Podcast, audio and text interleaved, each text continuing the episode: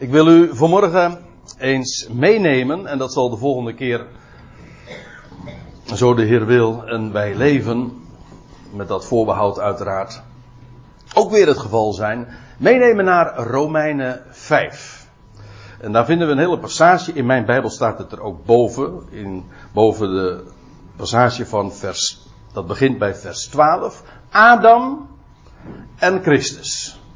En dat is een gedeelte wat boordevol staat van mededelingen. Ik kom er straks nog even op terug dat het soms zelfs eh, wel eens lastig is als lezer om precies de draad ook vast te houden en waar het over gaat. Maar dat willen we Jan ook in een aantal bijeenkomsten eens eh, aandachtig lezen en beluisteren. Wat zegt Paulus daar allemaal in? Ik heb een, eh, een aantal mensen in mijn in mijn kennissenkring. Die zich uh, bezighouden. Dat schijnt een uh, hele verslavende hobby te zijn. Die zich bezighouden met genealogie. Oftewel stamboomonderzoek. Mensen in de familie die uh, dat bijvoorbeeld ook in mijn familie hebben nagegaan. En, de familie Piet, van mijn vaders kant, mijn moeders kant. En dan is het natuurlijk altijd een hele sport natuurlijk om, om zo ver mogelijk in de geschiedenis uh, terug te gaan. En als je dan eenmaal in 1600 bent aangekomen of 1500, nou dan heb je, heb je al je werk goed gedaan. Misschien zitten hier die nog verder teruggegaan zijn in hun familiegeschiedenis. Nou, zeg het eens. Nee dus. Ja, jou heb ik er ook nog over gehoord, ondanks aard. Hoe, hoe was? Oh ja, Carla, ja. En, oh, jij bent begonnen. Oh, oh, hij is besmet met het virus nu. Nou, dat is heel erg leuk. Want ja, je, je, hebt het, je hebt het over je roots. Ja, waar kom je nou eigenlijk vandaan? Dat is heel interessant trouwens. Uh, als je erover nadenkt, in eerste instantie zelfs bevreemdend. Want ja, goed, hoe is het? Uh, je hebt twee ouders. Je hebt vier grootouders. je hebt acht overgrootouders. Zestien over, bedovergrootouders. Nou, dus dat verdubbelt elke generatie. Maar ik zal u vertellen, als je nou ver genoeg teruggaat, kom je er bij één uit. Of bij twee.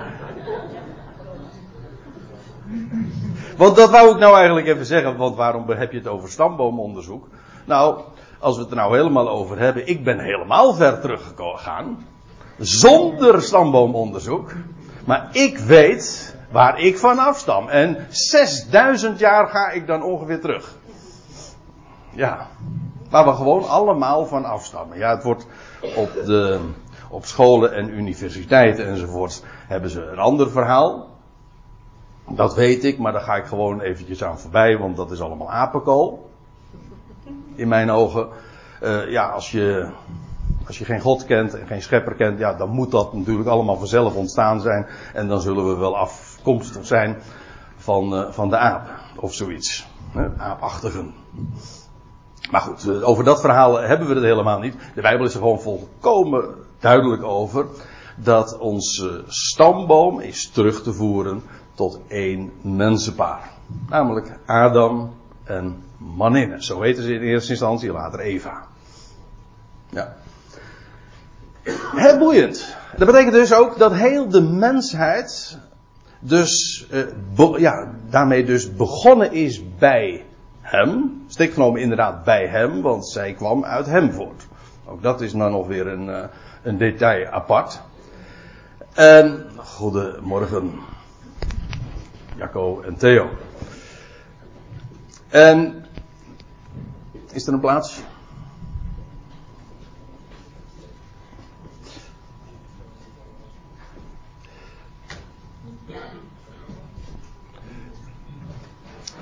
Oké, wij, gaan, uh, wij gaan gewoon even verder.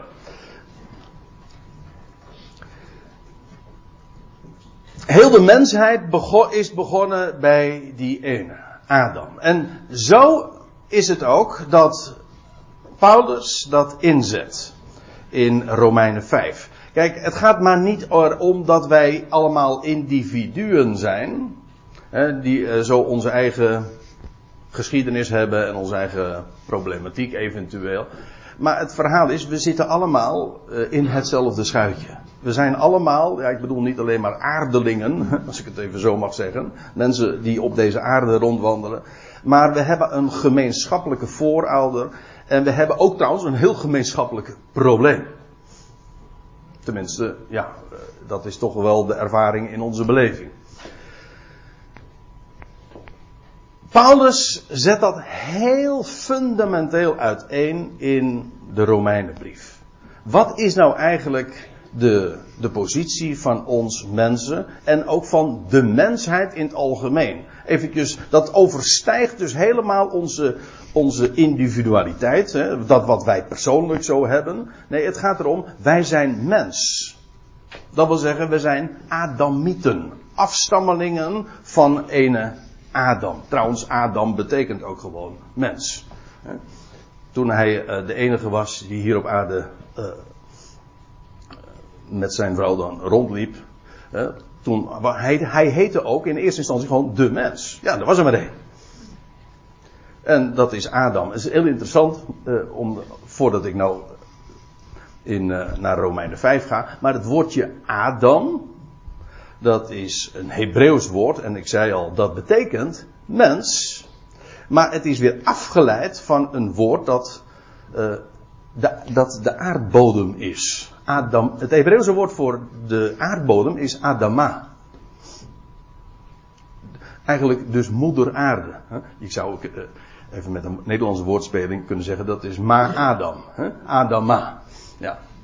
Daar komen wij uit voort. Dus een, de mens is eigenlijk een, een aardeling, ja. Iemand die uit de aarde voortkomt. Trouwens, om die reden ook weer tot de aarde terugkeert. Zo werd dat ooit al in Genesis 3 gezegd. Je bent uit de aarde genomen.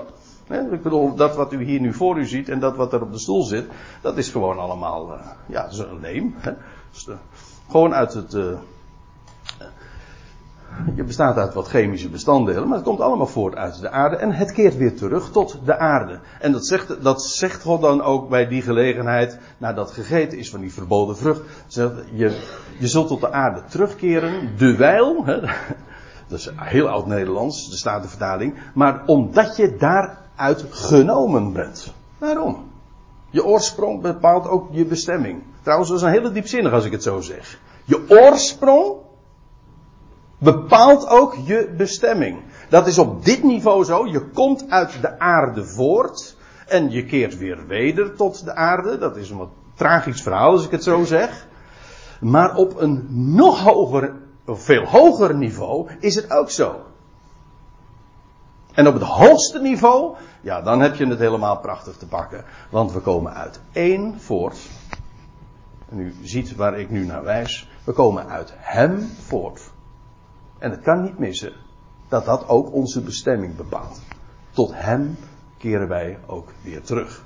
Of, maar dat is niet Romeinen 5, maar dat is Romeinen 11, vers 36. Kijk het maar naar. Uit Hem, door Hem, maar ook weer tot Hem zijn alle dingen. Het al. Kan niet schelen wat. Het komt uit Hem voort. Hij bedacht het, hij creëerde het en hij werkt dat zo uit. Door de tijden, aan hem is de tijd ook. En hij geeft alles een plaats, maar het heeft de bestemming om tot hem terug te keren. Dat is een geweldige gedachte. Onze oorsprong, hij bepaalt onze bestemming. Laten we eens naar Romeinen 5 toegaan. Naar dat gedeelte waar ik het over had. En u ziet, ja, het is Romeinen 5 vers 12. Dat betekent dus dat er al 4,5 hoofdstuk aan vooraf gegaan is. En dat blijkt dan ook wel, want Paulus zet een betoog op. Daar is Paulus ijzersterk in. Dat was een geweldig vermogen, maar bovendien, ja, hij is ook, ja, met recht begeesterd, geïnspireerd. En eh, wat hij optekende, dat is ja, God geademd. Dat is eigenlijk ook wat geïnspireerd betekent. De woorden die hij optekent, dat zijn maar niet uh, woorden die Paulus koos en optekende, maar het is goddelijk geademd. Het heeft goddelijk leven. Afijn, hij hij betoogt, hij zet dingen uiteen. En het gaat daarbij, zoals gezegd, maar niet zomaar over de mens individueel, maar over de mensheid in zijn algemene. Want het geweldige van het evangelie is dat het maar niet gaat over, over wat u of ik doen, uh, ja, of wat u en ik moeten doen. Nee, het gaat er wat de mensheid is. Ongeacht wat je daarvan vindt of wat je daarmee doet, dat maakt allemaal geen verschil. Dat is wat je bent als mens. En daarmee ook uh, hoe dat ooit zo gekomen is, maar wat God daar ook mee voornemens is en wat hij daarmee uitwerkt. En het geweldige, laat ik dat op voorhand dan al even zeggen. Het is allemaal perfect design. Er is nooit voor hem iets misgegaan. En dat gaan we ontdekken vanmorgen. Maar eerst dit. Uh, Paulus uh, begint dan met, ja, vanwege dit. Overigens, eventjes voor degenen die hier uh, niet eerder geweest zijn of deze, onbekend zijn met deze Bijbelstudies. Ik heb hier een vertaling die zo dicht mogelijk als mogelijk bij de grondtekst aansluit. En woord voor woord ziet u hier ook wat, wat de weergave is. En deze vertaling is daar ook de weergave van. Vanwege dit. Daarom dan. Hè, en dat betekent dus dat Paulus refereert aan dat wat hij zojuist had, naar, naar voren had gebracht. En kijk het maar eens na in, uh, in die eerste elf versen van Romeinen 5. Had Paulus gesproken over dat we de verzoening hebben ontvangen. Geweldige, geweldige waarheid. Dat wil zeggen, let op, de, de verzoening ontvangen hebben. Verzoening betekent in de Bijbel dat God uh, trouwens bij ons ook. Laten we wel wezen, verzoening betekent als je, uh, dat er vijandschap is, er is conflict, er is vervreemding en God brengt de partijen bij elkaar. Dat doet Hij.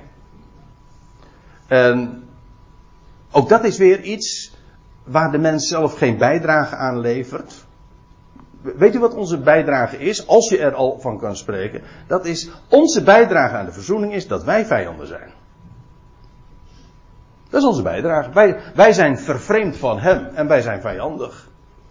En als er dus hoop is, ja, dan, dan ligt dat niet bij de mens, want die is vijandig.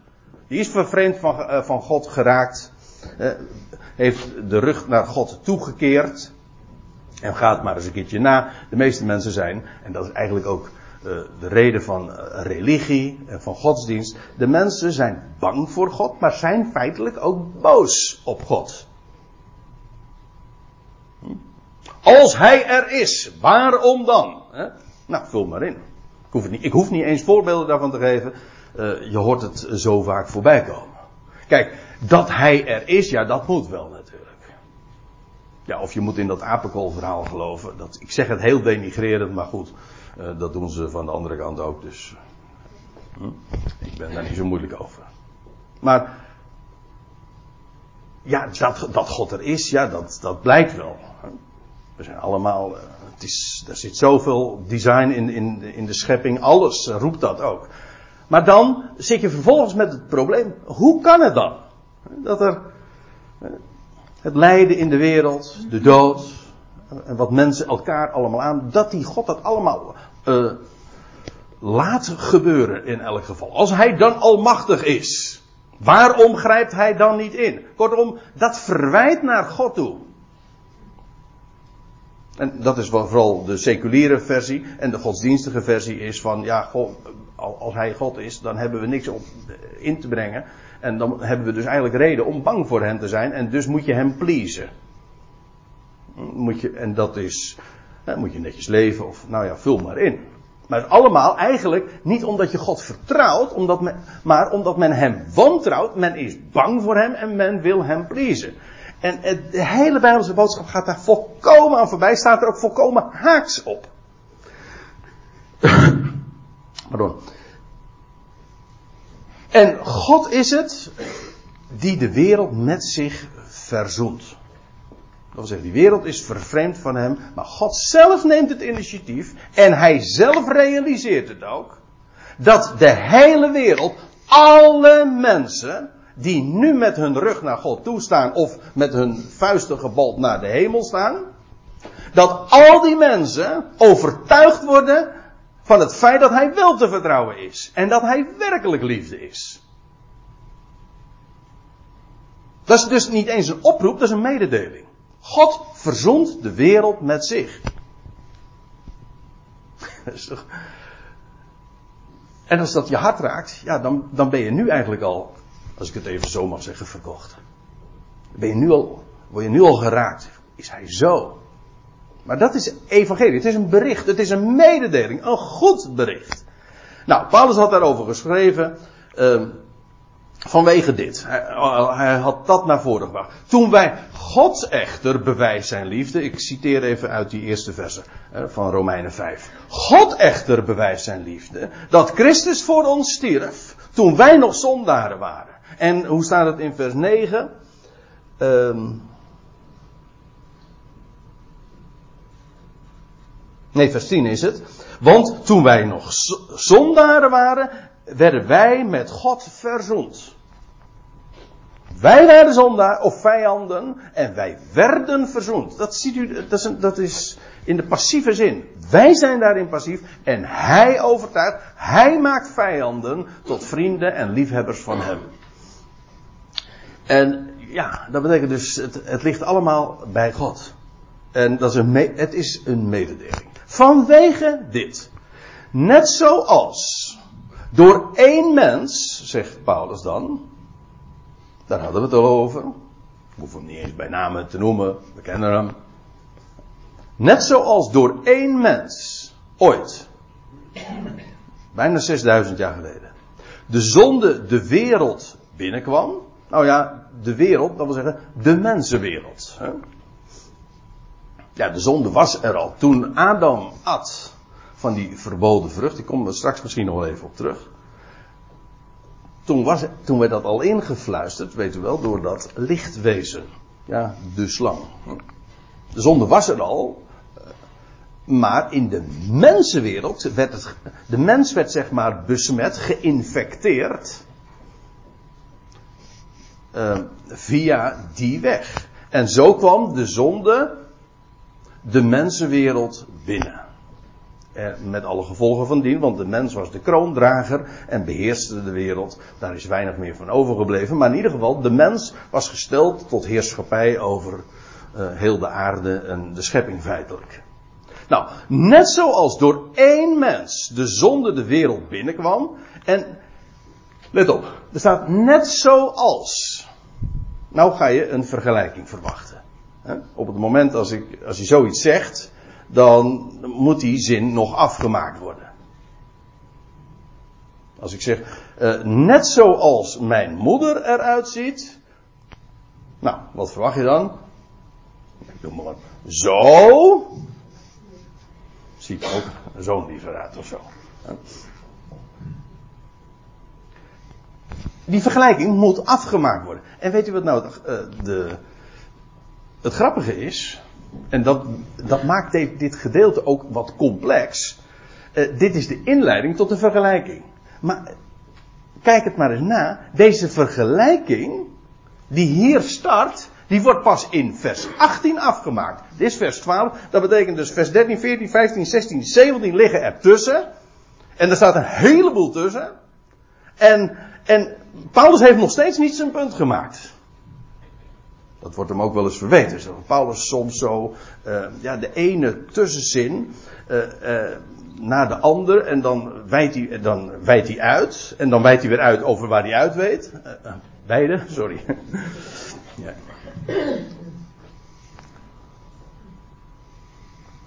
Maar laat ik u dit vertellen. Het is geen chaotisch verhaal. Alles behalve dat. Je moet heel goed de aandacht erbij houden, dat wel.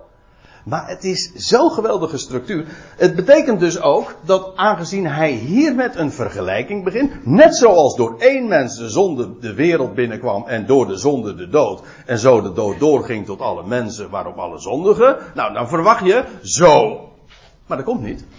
Ja, het komt wel, maar pas in vers 18. Dat betekent dus dat al die tussenliggende versen gewoon een tussenzin zijn. Een parenthese, zoals dat zo mooi heet. Dus als ik het even grafisch voorstel, hier heb je vers 12. Net zoals door één mens de zonde weer kwam en door de zonde de dood. En zo de dood doorging tot alle mensen. Nou, je kan eigenlijk de zin al afmaken. Zo ook door één. We weten nu nog even niet wat hier staat, hè? Maar je, je zou eh, eigenlijk al kunnen afmaken. Zo ook door één mens. En dan ook kennelijk alle mensen. Dat ligt voor de hand, want hij maakt een vergelijking. En hij benadrukt, hè, één mens, alle mensen. Dus, nou, maar dat duurt nog eventjes. Dat wordt trouwens de volgende keer hoor. Dus, laat meteen de cliffhanger nu al meegeven. Eigenlijk dan pas wordt het. Uh, nee, ik zeg niet dat u hier niet voor spek en bonen zit. Helemaal niet. Maar dan, ja, dan krijgen we de clue. Maar dat betekent dus dat deze, dat hele gedeelte een tussenzin is. Waarbij ik het eigenlijk nog iets moet zeggen. En dat is, dan krijg je hier, waar, eh, zo ging de dood door tot alle mensen, waarop alle zondigen. Dat gaat Paulus vervolgens even toelichten in vers 13 en 14. En dan krijg je uh, aan het einde van vers 14, gaat hij weer een toelichting geven op datgene, op zijn toelichting. Maar hij was al bezig met een vergelijking te maken. Dus ik geef toe, dat is wat complex.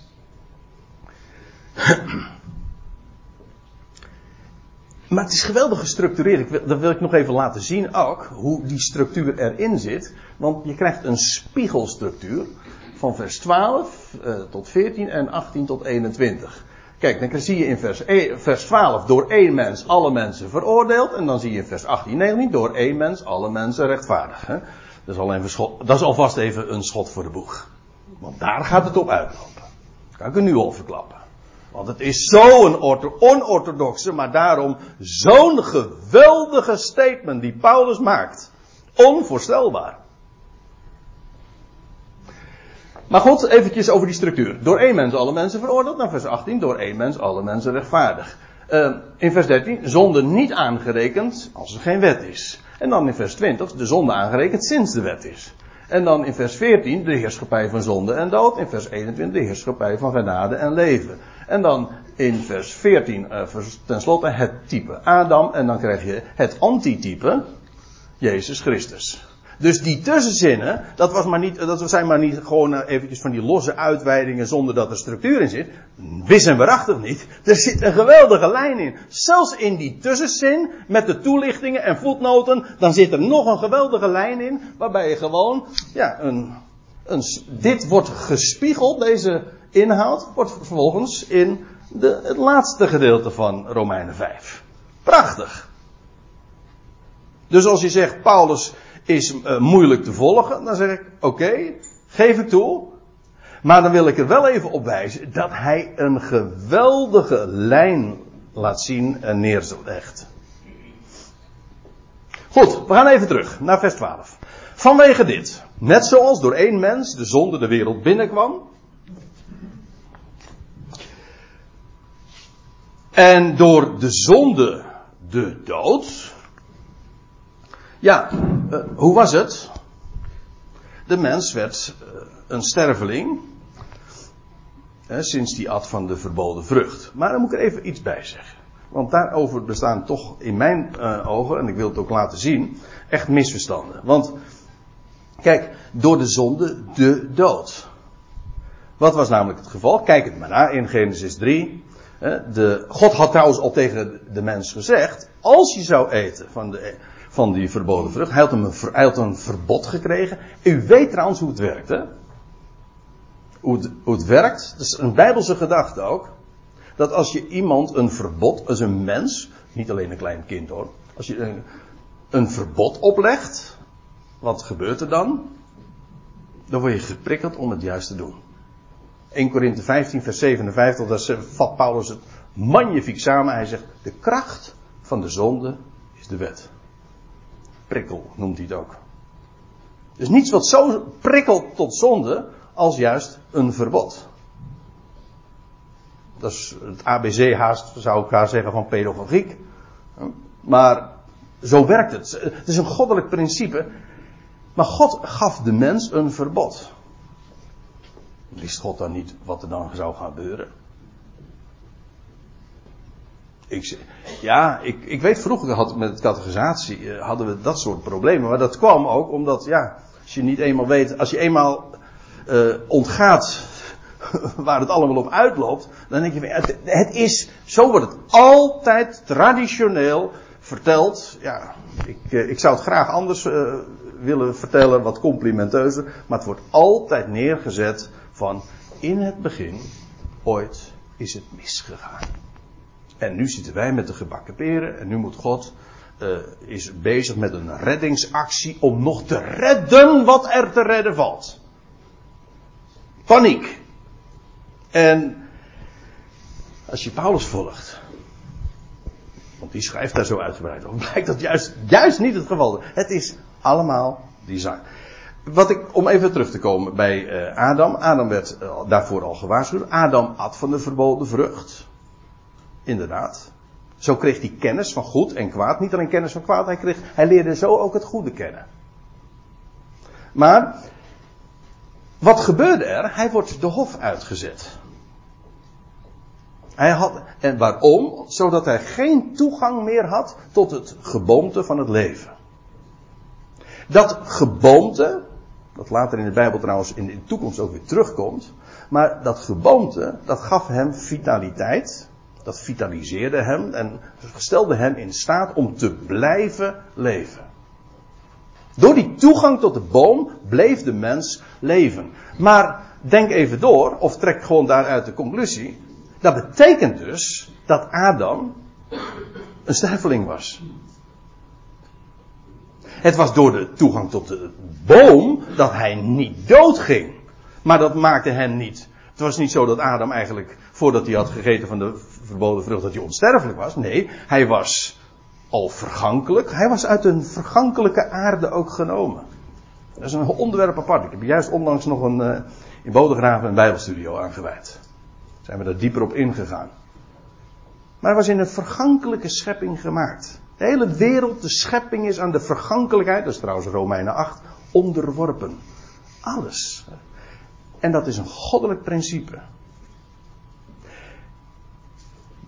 Toen de mens eenmaal gegeten had van die verboden vrucht, werd hij uit de hof gezet. En toen ging die daadwerkelijk ook dood. Door de zonde, de dood. Hij, hij was misschien wel stervende, maar hij werd verhinderd dood te gaan door, het, door de toegang tot dat geboomte.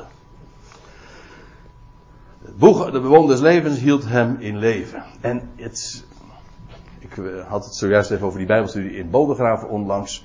Toen zijn we er dieper op ingegaan. Toen ben ik ook naar 1 Korinthe 15 uh, gegaan. En dan lees je ook dat, ja, Adam was uit de aarde genomen. En daarom ook weer terugkerend naar de aarde. Hij was ook de eerste mens. God had Adam gemaakt. Maar het ging niet. God wist al, er komt een ander mens. De echte. De laatste Adam. En Adam was een zielswezen. Nog niet geestelijk. Eerst het zielse, daarna het geestelijke. Wat ik ermee bedoel te zeggen is, de zonde kwam, door de zonde kwam de dood binnen, jawel. Maar dat was allemaal al omdat God een plan had. En daar komen we, ik kom er straks nog even op terug, maar hou me even vast. Door de zonde kwam de dood in, niet dus, dat, hou dat even vast. Niet omdat Adam dus onvergankelijk, onsterfelijk was voordat hij van de boom had gegeten. Nee, helemaal niet. Maar hij had toegang tot het geboomte van het leven. Daardoor werd hij verhinderd om dood te gaan. Afijn, eh, door de zonde kwam dus de dood de mensenwereld binnen. En zo de dood doorging tot alle mensen. U en ik, al die miljarden mensen. En ja, laten we wel wezen. Ja, wij zijn nu zoveel duizenden jaren verder. En ja, eigenlijk deze hele aarde, waar ik het zojuist over had, Adama, hè, is één groot begraafplaats. Eén groot kerkhof. Waar al onze voorgeslachten in begraven liggen. En als we tijd van leven hebben, ik weet niet of ik het helemaal goed zeg nu, eh, komen wij daar ook in. nee, zo zeg je dat niet, hè? Zoals iemand zei van, nou als ik, het mag, als ik het mag beleven, hoop ik daar begraven te worden. Ik ken ook iemand die zei van nee, ik wil niet in, uh, ik wil niet in Bovenkerk, dat is, waar daar woonde ik vroeger, ik wil niet in Bovenkerk begraven worden, want daar ken ik helemaal niemand.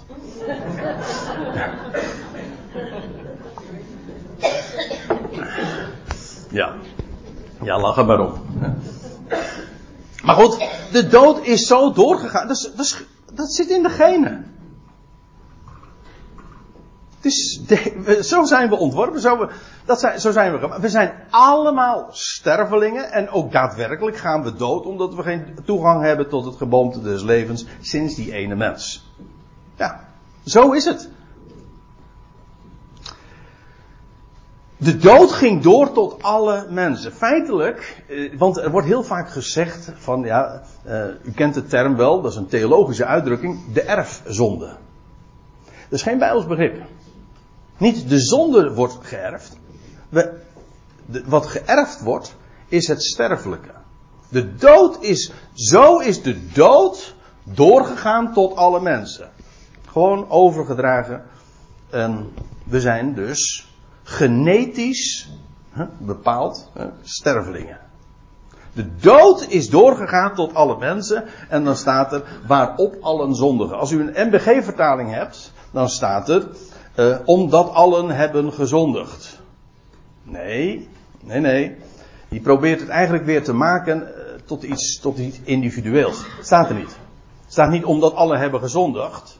Het is niet zo van dat mensen uh, doodgaan omdat, uh, omdat iemand heeft gezondigd. Een klein kind. Een zuigeling kan sterven zonder dat het nog één zonde heeft begaan.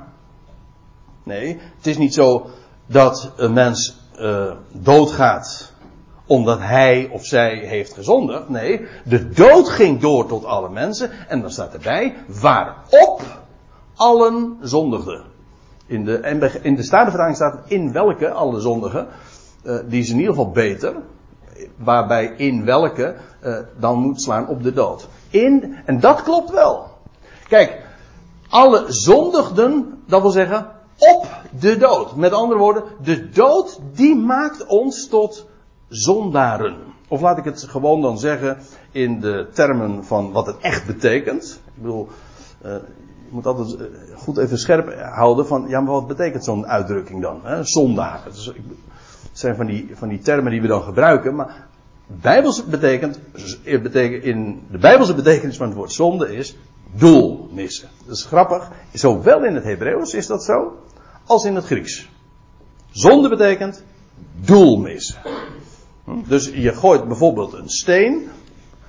En je wil, hem, je wil iets, dat, dat doelwit daar uh, even verderop uh, uh, raken. Ja, precies. Dank u wel. Je wil dat raken en je mist, dan heb je bijbels gezien gezondigd. Ik kan dat heel erg hard maken, want het staat letterlijk zo ook in Richter 21. Alleen wordt het dan, en er staat van, ze, ze, ze konden een, een, steen slingeren zonder, en dan staat er in onze vertalingen meestal, zonder te missen. Maar er staat letterlijk gewoon, zonder te zondigen. Ah, tref zeker.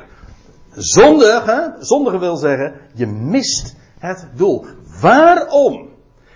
Of waarop zondigen alle mensen? Gewoon om één reden. Zoals hier dat hier wordt genoemd omdat wij stervelingen zijn. Omdat de dood is doorgegaan tot alle mensen. Daarop zondigen. We zijn stervelingen, vergankelijk. En dat maakt ons doelmissers. Trouwens, het loutere feit dat we sterven is al doelmissen. Want we zijn uiteindelijk gemaakt voor het leven. Toch? Dus alleen dat al.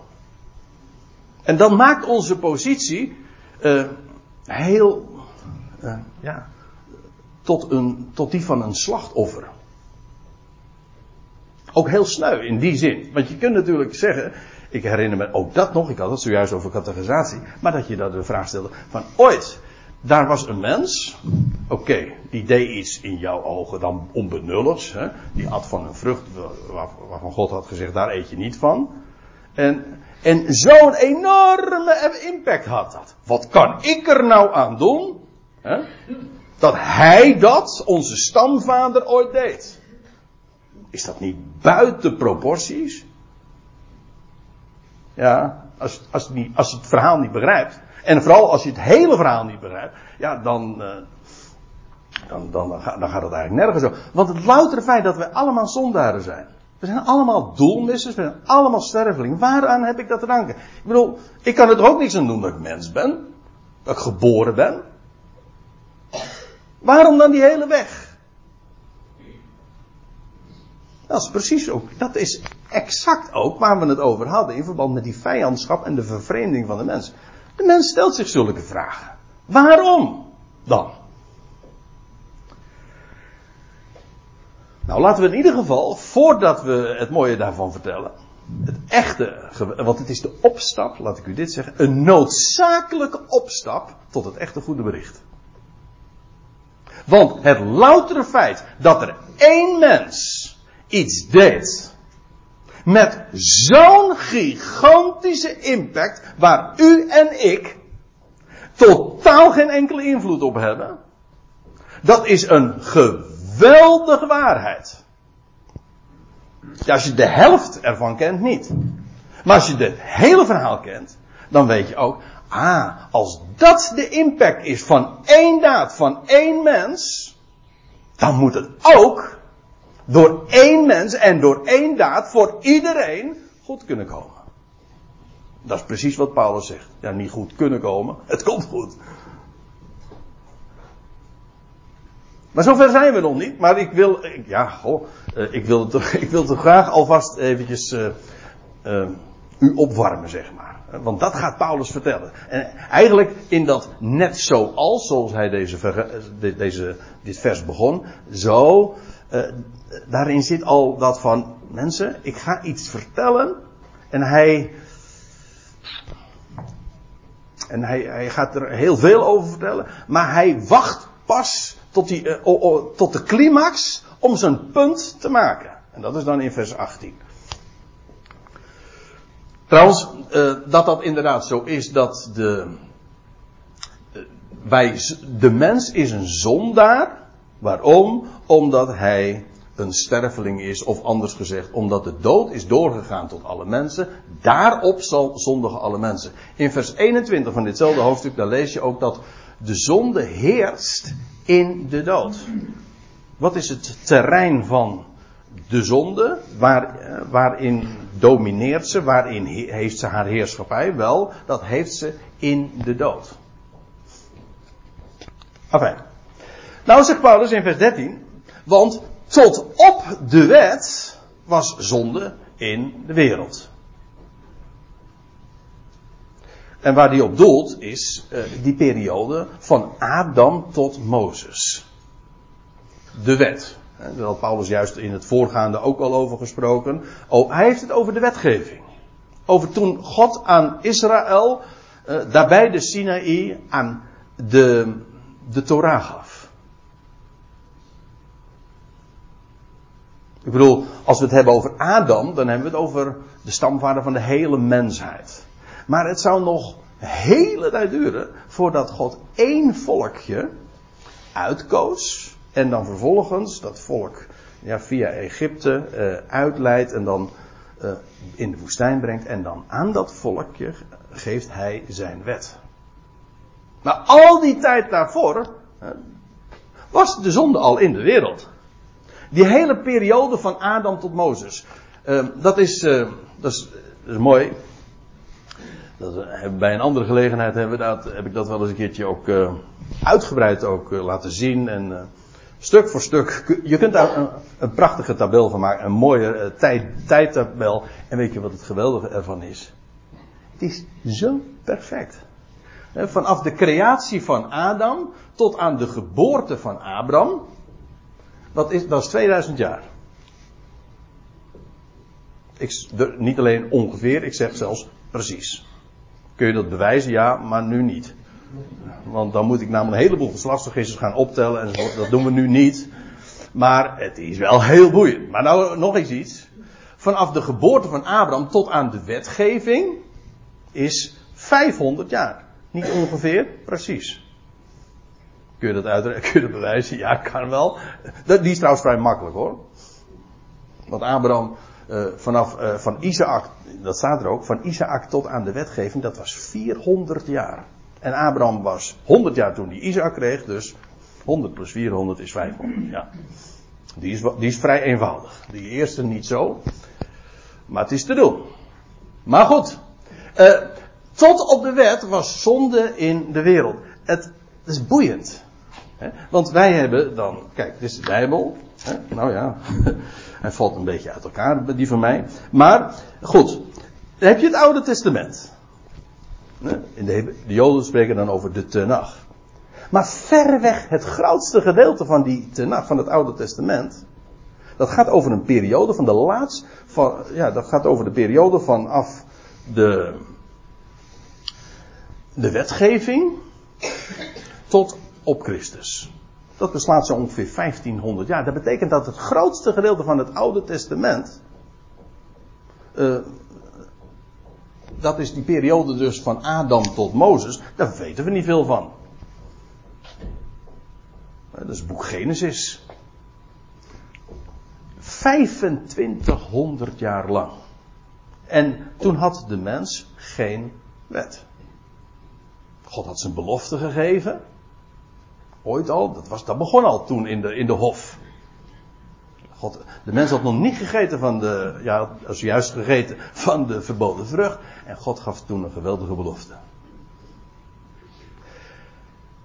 Maar tot op de wet was er, was de zonde in de wereld. Ik bedoel, dat heeft, het feit dat de zonde in de wereld was, dat is niet vanwege de wetgeving, daar staat er helemaal los van. Dat, dat heeft al, dat heeft een, al een veel oudere wortels. Namelijk van het feit dat we Adamieten zijn. Tot op de wet was zonde in de wereld. Maar, zegt Paulus dan, zonde wordt niet in rekening gebracht als er geen wet is. Hè. Zonde had nog niet het karakter van overtreding. Dat zien we ook in het volgende vers. In uh, Romeinen 4, vers 15 lees je waar, geen wet is, nou ja, er is ook geen overtreding. Oké, dan kun je wel uh, je doel missen, maar het heeft niet het karakter van een verbod dat overtreden is. En in die zin wordt dat dus ook niet in rekening gebracht. Dat is eigenlijk eigenaardig, hè? Wij denken altijd maar, uh, zo wordt het ook heel vaak uh, voorgesteld van de, de wet. Ja, dat is een leefregel voor alle mensen. De wet, dat wil zeggen die God aan Israël heeft gegeven via Mozes, aan het volk. Dat is een leefregel voor alle mensen. Maar denk er eens goed over na. Dat, dat, dat, gaat nergens over. Want die wet gaf God pas aan Mozes. Aan één volkje. Na 2500 jaren pas. Dus al die 2500 jaren had de mens geen wet. Had die, had, was die Torah er niet eens. Als de Torah inderdaad, zoals sommigen dat proberen te promoten. Uh, als die Torah inderdaad universeel was voor heel de mensheid. Dan had God die wet gegeven aan Adam. Toch? Maar dat deed hij niet. Ook niet aan Noach. Nee, ook niet aan Abraham. Nee, toen, toen God een belofte gaf aan Abraham zou het nog 430 jaar duren. Staat er ook bij. Voordat hij de wet aan Israël zou geven. Dus die wet is, maar, is niet universeel. Nee, heeft te maken met één volk. Dat, zo begint trouwens die wet ook. Ik ben de Heer uw God die u uit het diensthuis uitgeleid hebt. Heeft. Nou, dan weet je meteen, dat gaat, gaat dus over een volk dat aangesproken wordt dat zojuist het land Egypte had verlaten. Niet universeel, niet de hele mensheid betreft. Weet je wat universeel is? Dat we allemaal zondaren zijn. Dat is universeel. Dat is namelijk alle mensen. Het is prachtig dat Paulus dit in een brief uiteenzet aan, aan een ecclesia daar in Rome, die hij nog nooit had bezocht. Maar dat hij juist zulke universele waarheden neerzet. Die niet specifiek voor Israël alleen maar waar zijn. Nee, gewoon, dat geldt voor alle mensen. Alle mensen zijn stervelingen. Vandaar ook dat de, ja, de boodschap van het evangelie is zo uh, eenvoudig. En elke sterveling zou dat moeten aanspreken. Lijkt mij. Ik bedoel, we lopen allemaal met de dood in de schoenen. Waar we niks aan kunnen doen, daar heb je niet voor gekozen. We, zijn, we komen er ook achter dat we allemaal doelmissers zijn. In de Calvinistische kerken zegt men van ja, je moet tot zonde kennis komen.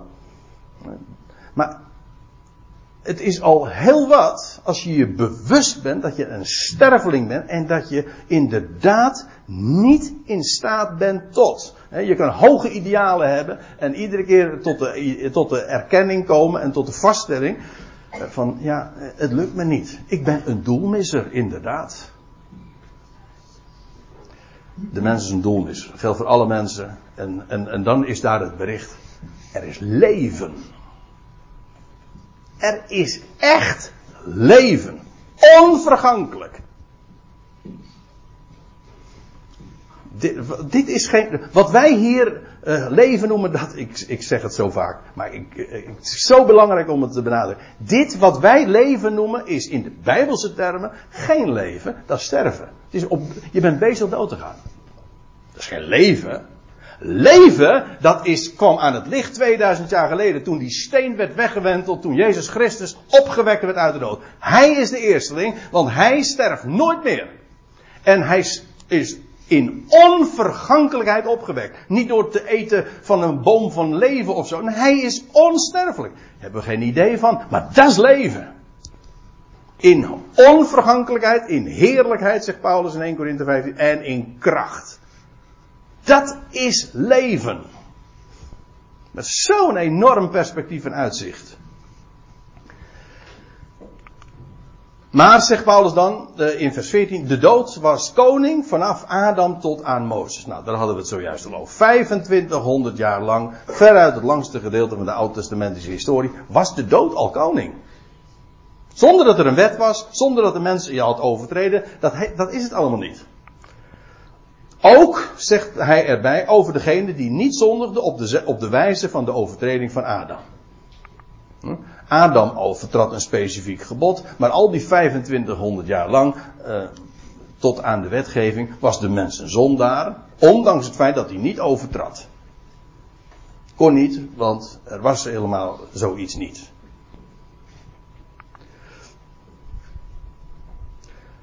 Ook de dood was koning vanaf Adam tot Mozes wat Paulus hiermee uh, aangeeft en aanstipt is, het heeft dus niks te maken met uh, het feit dat de mens de, de, wet niet houdt. Het is gewoon, het is universeel. Het heeft, het heeft een, een wortel, het heeft een, of een bron.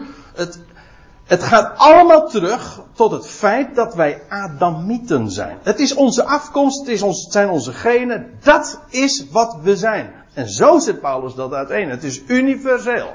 En dat heeft dus niets te maken met, met, jou, uh, met jouw persoonlijke instellingen en, en met jouw oogmerken en uh, hoe goed jij bent of hoe. Want, uh, want natuurlijk, je kunt natuurlijk altijd verdedigen van ja, maar er is verschil. Hm? De een is meer zondaar dan de ander. Hm? Ja, is dat zo?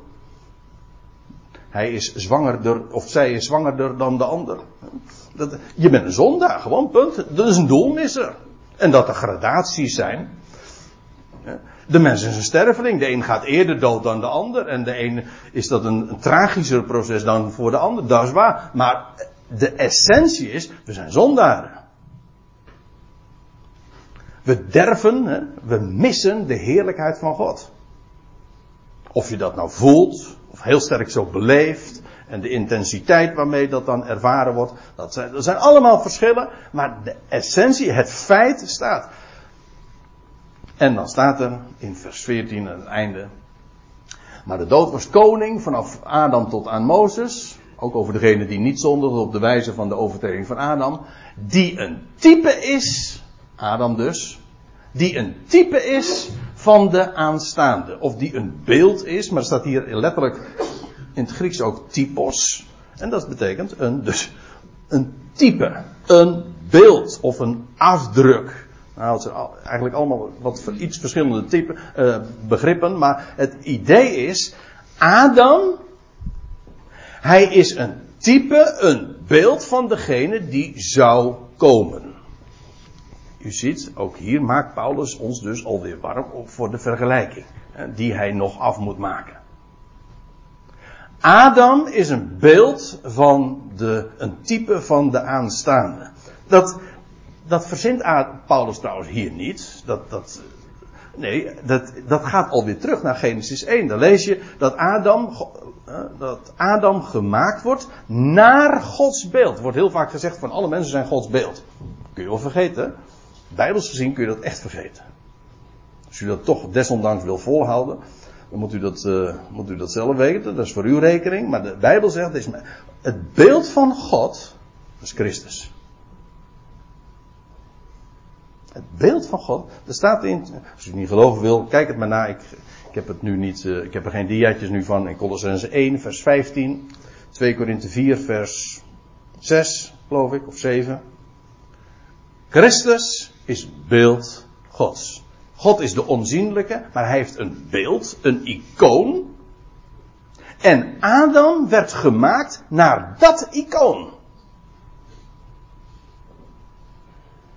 Adam was dus in die zin een beelddrager. Hij was niet Gods beeld. Hij werd gemaakt naar het beeld van degene die nog moest komen.